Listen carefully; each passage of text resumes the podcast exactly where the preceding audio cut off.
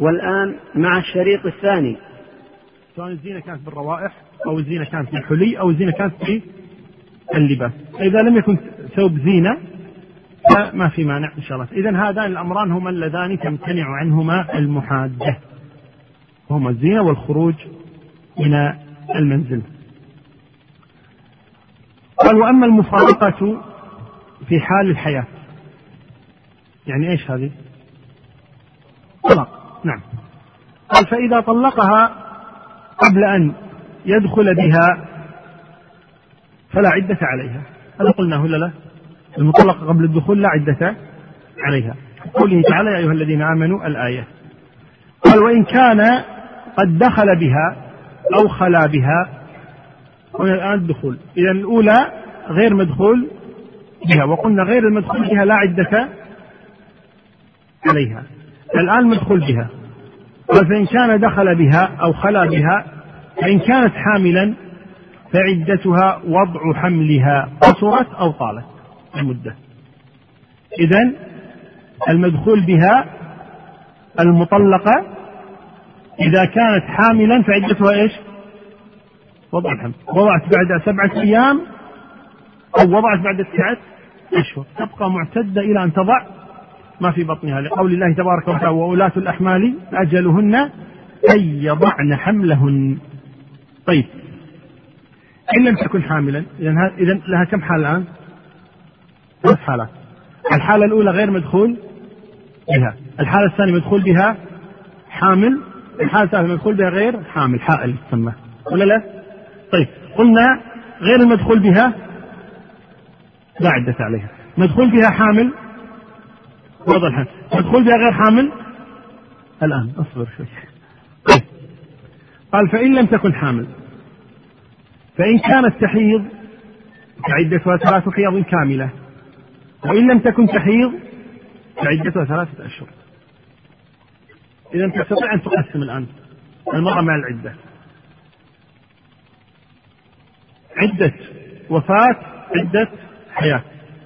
هي مفارقة طلاق إما العدة من وفاة وإما العدة من غير الوفاة هي الحياة. طيب. عدة الوفاة قلنا إيش؟ تعتد مطلقا. فإن كانت حاملا فإنها بوضع الحمل وإن كانت غير حامل فإنها أربعة أشهر وعشرة أيام. انتهينا من الوفاة؟ خلاص؟ نعم انتهينا الآن الطلاق اللي هو مفارقة من حياة. المفارقة من حياة إما أن تكون قبل الدخول وإما أن تكون بعد الدخول. فإن كانت قبل الدخول فلا عدة. انتهينا من هذا. بعد الدخول إن كانت حاملا وإن كانت غير حامل. إن كانت حاملا ها؟ بوضع الحمل. إن كانت غير حامل الآن نبدأ تفصيل جديد. غير الحامل إن كانت تحيض أو كانت لا تحيض. إن كانت تحيض وإن كانت لا تحيض. إن كانت تحيض فعدتها ثلاث حيض. كما قال الله تبارك والمطلقات يتربصن بأنفسهن ثلاثة قروء. القرء الحيض على الصحيح من أقوال أهل العلم؟ وقيل الطهر. لكن على كل حال إذا كانت تحيض فعدتها ثلاثة قروء. معي ولا ضعتم؟ معي تماما؟ أستمر؟ طيب. إذا إذا كانت تحيض فعدتها ثلاثة قروء. إن كانت لا تحيض إن كانت لا تحيض لها أحوال. إما أن تكون صغيرة وإما أن تكون آيسة يعني كبيرة. إما أن تكون صغيرة لم تحض أصلا لم تحض أصلا. عمرها تسع سنين وطلقها أو ثمان سنين وطلقها زوجها. ما زعل عليها. ها؟ المهم طلقها. هذه لا تحيض. أو كانت كبيرة عمرها خمسين سنة. خلاص انقطع حيضها ما تحيض الآن. انقطع حيضها أيضا طلقها وهي لا تحيض إذا الصغيرة والآيسة هاتان عدتهن إيش؟ أو عدتهما ثلاثة أشهر كما قال الله تبارك وتعالى. واللاتي واللائي يئسن من المحيض من نسائكم إن ارتبتم فعدتهن ثلاثة أشهر واللائي لم يحض. إلى الآن سليم واضح؟ إيه. هناك صورة ثالثة وهي التي ارتفع حيضها ولا ندري ما السبب. يعني واحدة عمرها 30 سنة ما تحيض. هذا غريب. أو 25 سنة 20 سنة ما تحيض. صار لها شهرين ما حاضت. يحدث هذا؟ يحدث. حالات نادرة لكن تحدث. لأن كل النساء في الأصل أنها إيش؟ يا تحيض يا حامل. واضح لا؟ هذه لا هي تحيض ولا هي كانت تحيض. يعني بدأ مع الحيض من يوم عمرها 14 سنة. مستمر. يوم صار عمرها 22 سنة فجأة كذي ولا ما تحيض. ولنفرض إن عندها أولاد مثلا عندها ولد أو ولدين أو كذا لكن انقطع الحيض ولا هي حامل. هذه حالات نادرة لكنها موجودة في النساء. هذه يسمونها مرتابة. يسمونها إيش؟ مرتابه في ريبة في أمرها. في ريبة في أمرها. مو ريبة يعني شاكين فيها. المقصود ريبة يعني في شيء غلط. في شيء مو صحيح. لماذا لا تحيض؟ إذا ما تحيض يعني حامل. ما تحيض ومو حامل إذا هذه حالة مرضية. حالة إيش؟ حالة مرضية. طيب. انتبه الآن. قال وإن لم تكن تحيض كالصغيرة ومن لم تحض والآيسة فعدتها ثلاثة أشهر. لقوله تعالى ولا يأسن من الحض فإن كانت تحيض وارتفع حيضها برضاع ونحوه انتظرت حتى يعود الحيض فتعتد به. وإن ارتفع ولا تدري ما رفعه انتظرت تسعة أشهر احتياطا للحمل ثم اعتدت بثلاثة أشهر. وإن ارتابت بعد انقضاء العدة بظهور أمارات الحمل لم تتزوج حتى تزول الريبة. الأول فهمتوا عشان ندخل الآن بهذا؟ واضح الأول؟ بالنسبة لعدة النساء الآن المرتابة. المرتابة وهي التي ارتفع حيضها فجأة. ارتفع حيضها فجأة. نشوف ليش ارتفع حيضها؟ لماذا ارتفع؟ لماذا انقطع الحيض؟ الأصل أنها تحيض إلى أن تصير آيسة ولا لا؟ هذا الأصل في النساء أنه يستمر معها الحيض حتى تصير آيسة. طيب هذه انقطع الحيض قبل أن تصير آيسة. ما ما حالها؟ قال أهل العلم ينظر. هل هناك أسباب ظاهرة لعدم نزول الحيض؟ قال والله مرضعة والمرضعة عادة يعني الحيض ما ينزل معها. قال طيب ممتاز. إذا ننتظر حتى ينتهي رضاعها ثم تحيض ثم إذا تبقى معتدة إلى أن إيش؟ إلى أن تحيض لأن الحيض وارد عليها لأن الحيض تنتظر حتى إذا إذا كانت هناك أسباب معلومة تنتظر حتى تزول. ها هذه الأسباب. تنتظر معتدة حتى تزول هذه الأسباب. قلنا لكم ترى ابتداء هذه حالات إيش؟ قليلة جدا أو نادرة. طيب. المهم إذا كانت تعرف سبب ارتفاع الحيض فنقول إذا تنتظر حتى يزول هذا السبب. ثم تحيض ثم ها تنتظر ثلاث قروء. إذا حضت خلاص تنتظر ثلاث قروء وتنقضي عدتها. إذا هذه أي حالة؟ إذا كانت تعرف سبب ارتفاع الحيض. الحالة الثانية لا تدري ما رفعه. ما تدري. إيش فيك عسى شر بس أنت مرضع أنت ما فيني شيء ليش ما ينزل الدم؟ كرامة. الدم ما ينزل خلاص بعد. إيش؟ ما ينزل الدم. فهنا يقال لها طيب يمكن انت حامل. أو يمكن ما أدري. يمكن حامل. فينتظر تسعة أشهر حتى نتبين فعلا أنها حامل وليست لأن بعض النساء قد تكون حامل ويظهر عليها آثار الحمل خاصة اللي بأول الأشهر الخامس السادس ممكن ما يظهر بطنه خاصة إذا كان ضعيفة وهذا حلف قد لا يظهر لها آثار الحمل إلا بالسابع يبدأ البطن إيش؟ ينتفخ شوي. ولا تلقاها ستة أشهر ما حد يدري أنها حامل. هذا كان بعد وسيع بين النساء وهذا ما حد يدري عنها. أنها حامل وهي قد لا تدري عن نفسها فالقصد أنه ينتظر حتى نتبين قطعا أنها ليست حامل فإذا علمنا علم أنها الآن فعلا ليست حامل خلاص أنت ما أنت حامل شو أسوي؟ خلاص أعتدي ثلاثة أشهر حاجة اليائسة حال الصغيرة واضح الصورة ولا ما وضحت؟ نعم بعد التسعة أشهر نتبين فعلا أنها ليست حامل تستأنف ثلاثة أشهر اللي هي مدة إيش؟ عدة الآيسة. يسمونها عدة الآيسة. تعتبر آيسة. يعني نعتبرها إيش؟ نعتبرها آيسة. نقول اعتدي ثلاثة أشهر. خلاص انتهى الأمر.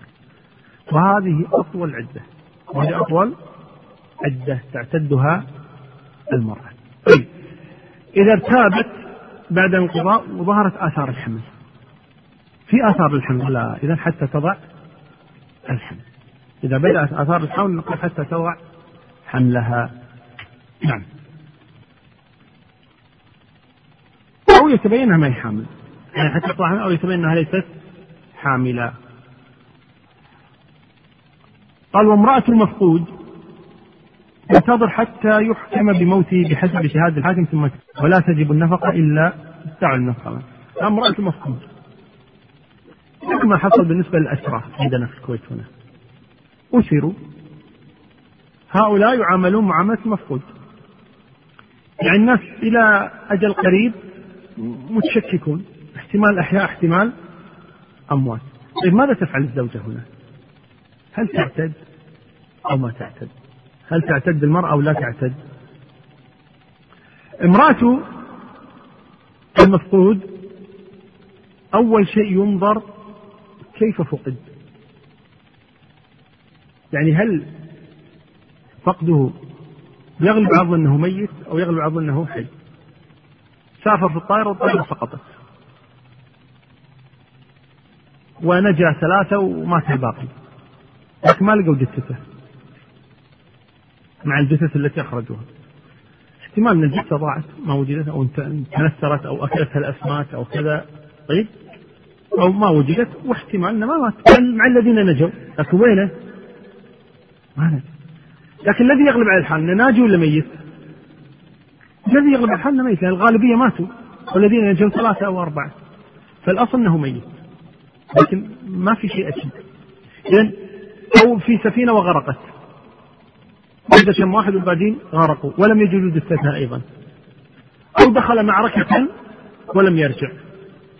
احتمال أسير احتمال قتيل احتمال راح ما ندري عنه. اذا ينظر في الحالة التي فقد فيها. هل الحالة التي فقد فيها يغلب على الظن حياته أو موته؟ واحد راح يجلس برا. حتى انقطعت أخباره. ولا يتصل عليه راح أسأله عنه ما ندري عنه. الجامعة وينه؟ والله غايب صار له أسبوع. ربعة وينه؟ والله صار له أسبوع ما ندري عنه. وين راح؟ ما حد يدري عنه. يمكن حي ويمكن. ميت ما حد يدري عنه. إذا غيبته ينظر فيها. يعني كيف غاب؟ فإذا كان غيابه يغلب على الظن موته فيه فإنه يحكم عليه بالموت. وإن كان غيابه يغلب على الظن عدم موته يحكم عليه بالحياة. واضح ولا طيب. طيب الآن المرأة إما تصبر وإما ما تصبر. هناك ورثة يبون فلوسه. طيب قطع الجمل. شرت السكاكين الآن تبي قال المرأة تصبرين أو ما تصبرين قالت غصب. قلنا لا أبدا ما هو غصب. قالت حرام. قلنا ليس حرام. الأمر إليك. قالت والله ما أريد أن أصبر أنا عمري عشرين سنة الآن. أصبر إلى متى؟ فهنا يقال لها انتظري أربع سنوات. انتظر كم؟ أربع سنوات. لأن الآن المشكلة أنه يمكن يكون حي ولا لا؟ ها؟ وارد أنه حي؟ وارد أنه حي وارد أنه ميت. فلذلك يقال لها اصبري. اصبري. فتصبر كم؟ نقول تصبر أربع سنوات. هذه فتوى عمر وعلي رضي الله عنهما. فتصبر أربع سنوات. بعد أربع سنوات جت حق القاضي. قال ترى ما صار شيء. صار لي أربع سنوات. ما جاء خبر؟ ما جاء خبر نهائي. يقول لها الآن اعتدي عدة وفاة خلاص. أربع سنوات لا اتصل لا جاء لا كذا. الظاهر إيش؟ ميت. تعتدي عدة وفاة كم؟ أربعة أشهر. بعد أن تعتد يقال لها الآن إيش؟ اصنعي بنفسك ما شئت. خلاص تزوجي. إيش هذا؟ خلاص انتهى الأمر. ويقسم ميراثه. ويقسم ميراثه. إذا يحكم عليه بالموت ويقسم ميراثه. وقع في عهد عمر رضي الله عنه أن رجلا غاب عن امرأته هكذا سنوات. جاءت لعمر قالت يا أمير المؤمنين زوجي ذهب ما رجع. أين ما أين؟ ما أدري. فهنا أمرها عمر أن تنتظر أربع سنوات ثم تأتي. وفعلا بعد أربع سنوات جاءت المرأة. يا أمير المؤمنين نعم. أنا جيت قبل أربع سنين. نعم. زوجي إيه؟ إلى الآن ما رجع. إلى الآن ما رجع. ما رجع الزوج الآن أربع سنوات صار ما رجع إلى الآن. فقال لها عمر اعتدي أربعة أشهر عشرة أيام. صفت اعتدت. عشر أربعة أشهر. جاءته بعد هذه العدة. قالت يا أمير المؤمنين اعتد خلاص. اعتدتي فقال عمر تزوجي إن شئت خلاص. سهل الأمر. فتزوجت المرأة. بعد ما تزوجت رجع زوجها. سوى تفرغ رجع الزوج بعد هذه المدة قريب من خمس سنوات. رجع الزوج إلى زوجته متزوجة راح بيته. شو السالفة؟ هذا زوجي وأنا انت مت قال أنا ما مت أنا حي قدامك لا والله أمير المؤمنين قال لي مات. ما راجع أمير المؤمنين ما عندي مشكلة. أنا. فرجع الرجل لامير المؤمنين عمر. قال يا أمير المؤمنين حصل كيف؟ وكيف؟ وكيف؟ فخيره عمر. قال إن شئت أعدنا لك زوجك. ولكن تدفع المهر حق الزوج الثاني. تدفع له مهره الرجل الثاني. قال وإما. قال وإما أن تأخذ أنت مهرك. اللي دفعت لها. اللي دفع لها. ما تأخذ مهرين هي. واضح ولا لا؟ المهر اللي دفع الزوج تأخذ أنت كامل. وتشوف لك مرة ثانية. ماذا تريد؟ قال خلاص. دام اختارت زوجا آخر. الله يوفقها أعطوني مهري فأخذ مهرة وتزوج واحدة ثانية. طيب خير إن شاء الله. وين كنت؟ هالخمس سنين هذه. قال كنت يعني في سفر فأخذني الجن. أخذوه الجن سكروه. وظللت أسيرا عندهم حتى جاء جن مؤمنون وفكوني منهم. وجئت. قال خير إن شاء الله. الحمد لله السلامة القصد هنا إذا طيب لو كان وزع ميراثه لو قسم ميراثه مثلا ماذا يصنع؟ يأخذه. كل صرفة دين عليه. لو قسم ميراثه مثلا في بين سبعة واحد مثلا خذ عشرة آلاف. إيه؟ رجع رجع ال 10000 يرجع 10000 اللي خذاها لأن أنا حي الآن واحد يقول والله صرفت 10000 خلاص ضربت 10000 ماشي؟ فالقصد هذا بالنسبة للمفقود. طيب بالنسبة للأسرى أسروا ولم يعلم حالهم. متى تعتد زوجاتهم؟ هل بعد أن تعلم بخبر الوفاة ولا من يوم الوفاة تعتد؟ الأصل أن العدة تبدأ من يوم الوفاة وليس من يوم الخبر.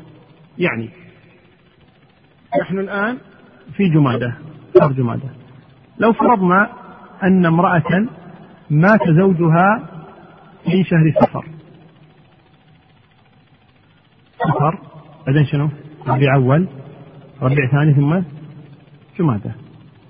مات زوجها في صفر. علمت الآن. كم صار الآن من مات؟ قالوا صار الآن ثلاث أشهر و25 يوم. نقول لها بقي عليك من العدة خمسة أيام وعشرة يعني خمسة عشر يوم تعتدي فقط. إذا العبرة بماذا؟ بيوم وفاتك لو قالوا لا مات صار له ستة أشهر. انتهت عدتها. انقضت عدتها. إذا العدة تبدأ من متى؟ يوم وفاته ولا يوم علمها؟ يوم وفاته. تبدأ العدة يوم وفاته. نعم. قال ولا تجب النفقة إلا للمعتدة الرجعية. المعتدة الرجعية التي لها نفقة. أما البائن بينونة كبرى أو بينونة صغرى طيب ليس لها نفقة. طيب. قال أو لمن فارقها زوجها للحياة وهي حامل. إذا البائن ما ما لها نفقة. يعني طلقها قبل الدخول ما لها نفقة. طلقها القاضي ما لها نفقة. لها متعة طلاق فقط. آه، آه، خالعته ما لها نفقة. فترة العدة. إذا من التي لها نفقة؟ الرجعية والحامل. الرجعية والحامل. الحامل لمن إيش؟ من في بطنها. طيب ولها هي لأنها هي معهم. القصد إذا التي لها نفقة هي الحامل والرجعية. قال وأما الاستبراء فهو تربص الأمة التي كان سيدها يطأها فلا يطأها بعد زوج بعده زوج أو سيد حتى تحيض حيضة واحدة. وإذا لم تكن من ذوات الحيض تستبرئ بشهر أو وضع حملها إن كانت حاملا. هذا يسمونه استبراء. استبراء. يعني تستبرئ المرأة بحيضة. إذا كانت من السبي مثلا صار عندنا السبي جهاد وأسرنا رجالا ونساء.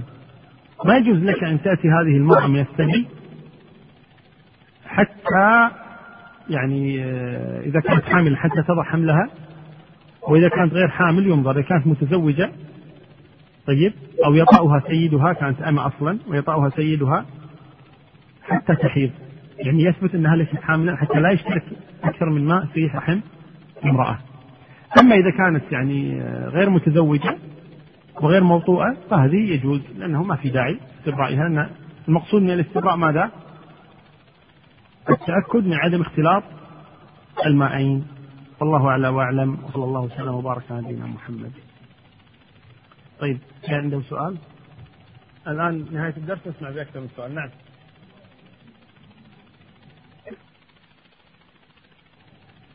امرأة الأسير قلنا إذا كانت تريد البقاء زوجة تبقى زوجة إلى أن يرجع. فإذا ظهر موته فتعتد من يوم وفاته. وإذا كانت لا تريد أن تبقى زوجة فهنا القاضي قد يطلقها للضرر. إذا ها؟ لا لا أقل. للضرر. طلقها للضرر. نعم. قدرها القاضي.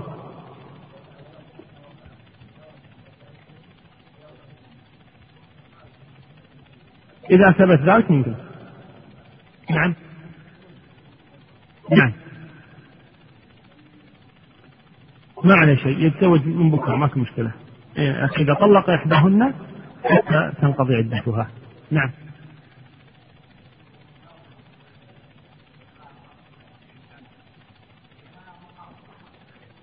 إذا كان يقينيا مئة بالمئة نعم. أما إذا ما كان يقينيا لا. ينتظر. لا ما يعني آه، يذكرها من باب الألغاز. عدة الرجل يذكرها من باب الألغاز.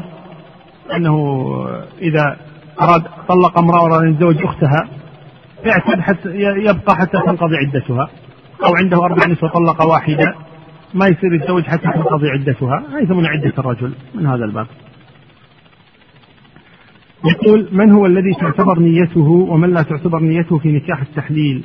الزوج السابق أو الجديد أو الزوجة الجميع. تعتبر نية من الجميع. يقول باب الطلاق الغضبان. الغضبان الأصل أنه يقع طلاقه.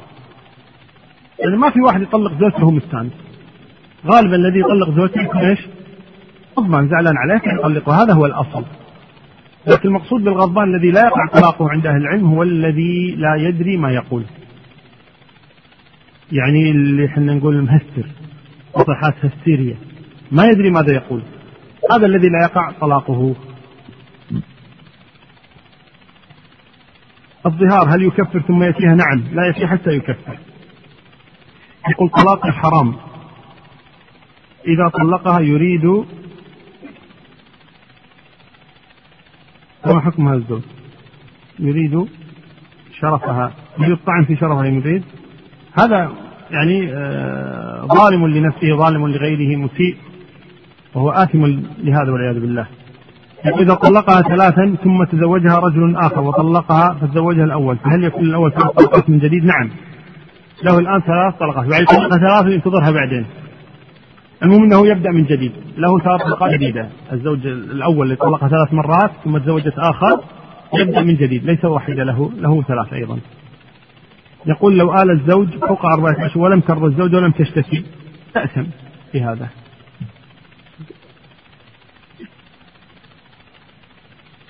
يقول إذا بانت المرأة من زوجها ثم رجعت إليه فهل له أن يطلقها أكثر من طلقة؟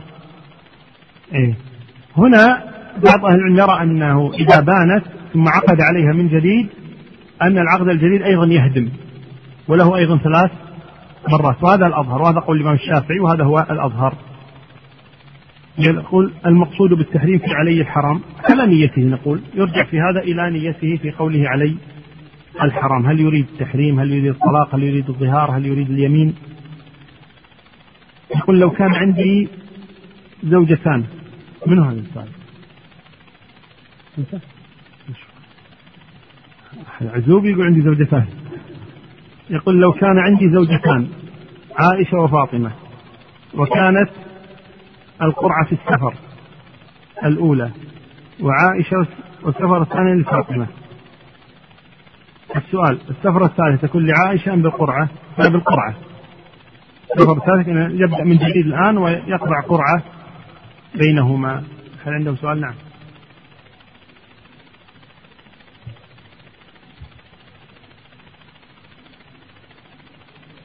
نعم.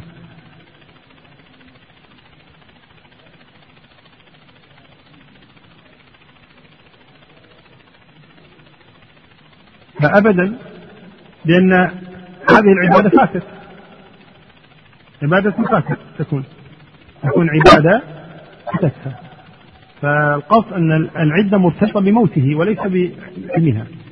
ولذلك لو فرضنا امرأة مات زوجها ولم تعتد. امرأة مات زوجها ولم تعتد. معصية. ما لي خلق. أربعة أشهر قاعد بالبيت. بزور أهلي بزور جماعتي. شنو أربعة أشهر ما ما نقدر عاصية. ثابت هل تعتد من جديد؟ خلاص. إذا إذا العدة آه، ارتباطها بوفاته وليس بعلمها. سواء اعتدت أو لم تعتد هذا أمر آخر. لكن العدة تبدأ بوفاته حق الزوج هذا لأنه. هنا.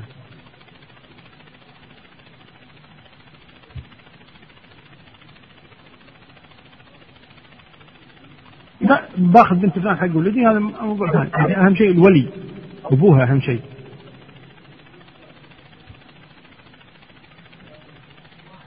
أصبر.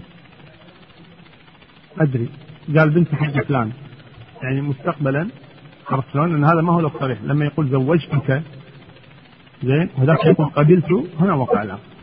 أما بنت حق فلان باب إنه مستقبلا لا ما يقع الأمر.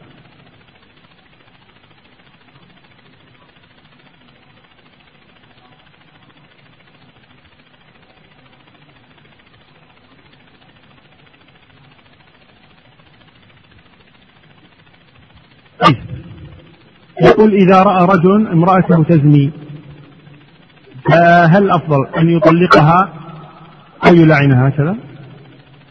طيب في حلين آخرين ليش ما ذكرتهم؟ طيب أنا أذكر. إذا لو رأى الرجل امرأة تزني له أربع أحوال.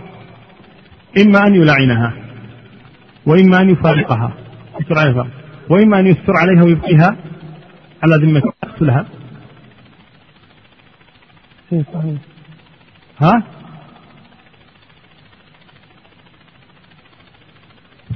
محصنة زانية يقيم عليها الحد.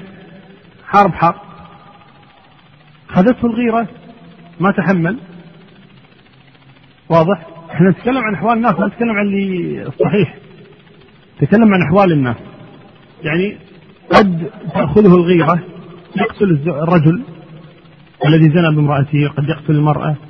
قد يسكت ويقول لها لا تعيدينها ممكن أن يطلقها ويستر عليها وممكن أن يلاعنها واضح؟ يعني. هنا أما إنه يسكت ويقول لا تعيدين هذا لا يستحب له ذلك أبدا بل هذه تفارق يستر عليها طيب أن يستر عليها لكن بشرط لا تكون احتمال تكون حملت لأنه يخشى أن تحمل ثم ينسب له ولد السفاح لذلك يتأكد أول شيء يعني ما يطلقها وهي قد تكون حامل. يتأكد أول شيء أنها ما هي حامل.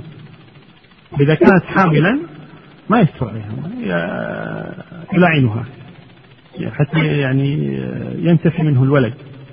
إذا كانت غير حامل له ذلك. الحالة الثالثة أن يلعنها. أما الحالة الرابعة هذه ذكر أنه وقع في عهد عمر رضي الله عنه أو في عهد النبي ابتداء لما جاء رجل وسأل النبي صلى الله عليه وآله وسلم وقال يا رسول الله الرجل يجد الرجل مع امرأته ماذا يصنع؟ قال يأتي بالشهود. قبل أن تأتي تنزل آيات اللعان. قال يأتي بالشهود. قال يا رسول الله يذهب يأتي بالشهود إلا قضى حاجة الرجل ومشي. ما وين الشهود؟ فقال الشهود. فغضب سعد بن عبادة. فقال والله يا رسول الله أقتلنه وأقتلنها. يعني ما انتظر الشهود. أقتلنه وأقتلنها. وإن قتلته قتلناه لأن من يقول أن هذا رأى رجل؟ واحد يذبح له واحد يقول يذبح زوجته يذبح له واحد يقول القسم يزنون ممكن. ها؟ ممكن. القصد قال لأقتلنه وأقتلنها. قال إن قتلته قتلناك يقول النبي صلى الله عليه وسلم. فغضب سعد بن عبادة. فخرج من المجلس قال والله لأقتلنه وأقتلنها. كنا صاير صدق الحين. ما صارت بس كلام. فخرج سعد بن عبادة. فالنبي صلى الله عليه وسلم خشي أن يظن الناس أن سعد بن عبادة عنده غيرة والنبي ما عنده. يعني هذه الغيرة التي عند سعد. فقال النبي صلى الله عليه وسلم للجالسين قال أتعجبون من غيرة سعد؟ والله إني أغير منه. والله إن الله أغير مني. لكن هذه حدود. ما تصير فوضى المسألة يعني مثل ما قلت لكم الآن يأتي واحد يذبح زوجته يذبح له واحد بعدين يفسخهم يقول لهم يقول رأيتم يزنون. وفي ناس ترى دمامهم وسيعة ممكن يفعلون مثل هذا الأمر. القاضي ما يعلم الغيب. فالشاهد أن هذا في زمن النبي صلى الله عليه وسلم. في زمن عمر رضي الله عنه أمر في المسجد فجاءه رجل يركض يجري ومعه سيف يقطر دما فجاء وقف عند عمر. قال عمر الرجل يركض يعني ينهد من التعب يفحم ومعه سيف يقطر دما شوي ولا؟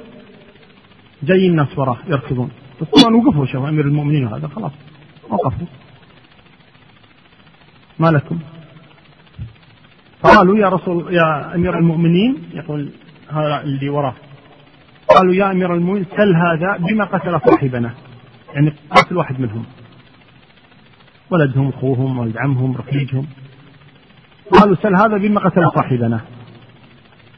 ها سيف بيده ويقدم فالتفت إليه عمر. ما يقولون؟ يكون قتل صاحبهم. صحيح؟ فقال يا أمير المؤمنين أنا ضربت بالسيف بين فخذي امرأتي. إن كنت قد أصبت أحدا فقد أصبت صاحبه يعني كناية ما حد يقول كان يزني بامرأته. أنا طقيت بالسيف بين فخذي امرأتي. إذا كان في واحد قاعد في ذلك الوقت بين فخذي امرأتي أنا ذبحته. يعني ذبحت واحد يزني بامرأتي يقول. واضح؟ هنا قال يا أمير إنما ضربت بالسيف بين فخذي امرأتي. فإن كنت قد أصبت أحدا فقد أصبت صاحبه. فالتفت إليهم عمر. قال إيش رأيكم في الكلام؟ رجل يقول ضرب بين فخذي امرأته. ماذا تقولون؟ قال هو كما قال. فعلا صاحبهم كان يزني امرأته. قال هو كما قال. فقال أعط بالسيف فأخذ عمر السيف رضي الله عنه فهزه ثم عاده إليه. قال خذ إن عادوا فعد. إن عادوا فعد. يعني أن هذا الأمر أن فعله غيره على عرضه. وثانيا هؤلاء اعترفوا مجموعة شهود أنه فعلا زنى بامرأته. قال إن عاد فعد. يعني هذا عمل شائع لأن هذا الزاني والزاني لا حرمة له. أن في شهود عليه. لذلك أجاز له عمر ذلك.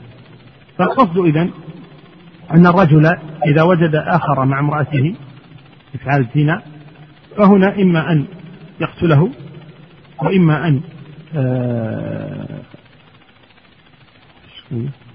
وإما أن آه، يستر وإما أن يلاعن وإما أن آه، يطلق يفارق. طيب؟ طبعا القتل هذا الأمر الإنسان ما يدري لكن الواحد تبارك لا يقع هذا الأمر. لكن الواحد ما يدري عن نفسه في ذلك الوضع. القاضي قد لا يكون مثل عمر قد يقتله به قد لا يكون هناك شهود. القاضي يحكم بما يرى. القاضي لو جاء واحد معه سيف يقتل ليش قتلت؟ قال ينفخ لي امرأتي؟ قالوا المرأة صارت قالت لا كذاب. اذبح يطالب فلوس كذاب. لا وجد ينفخ لي ولا يقتله القاضي.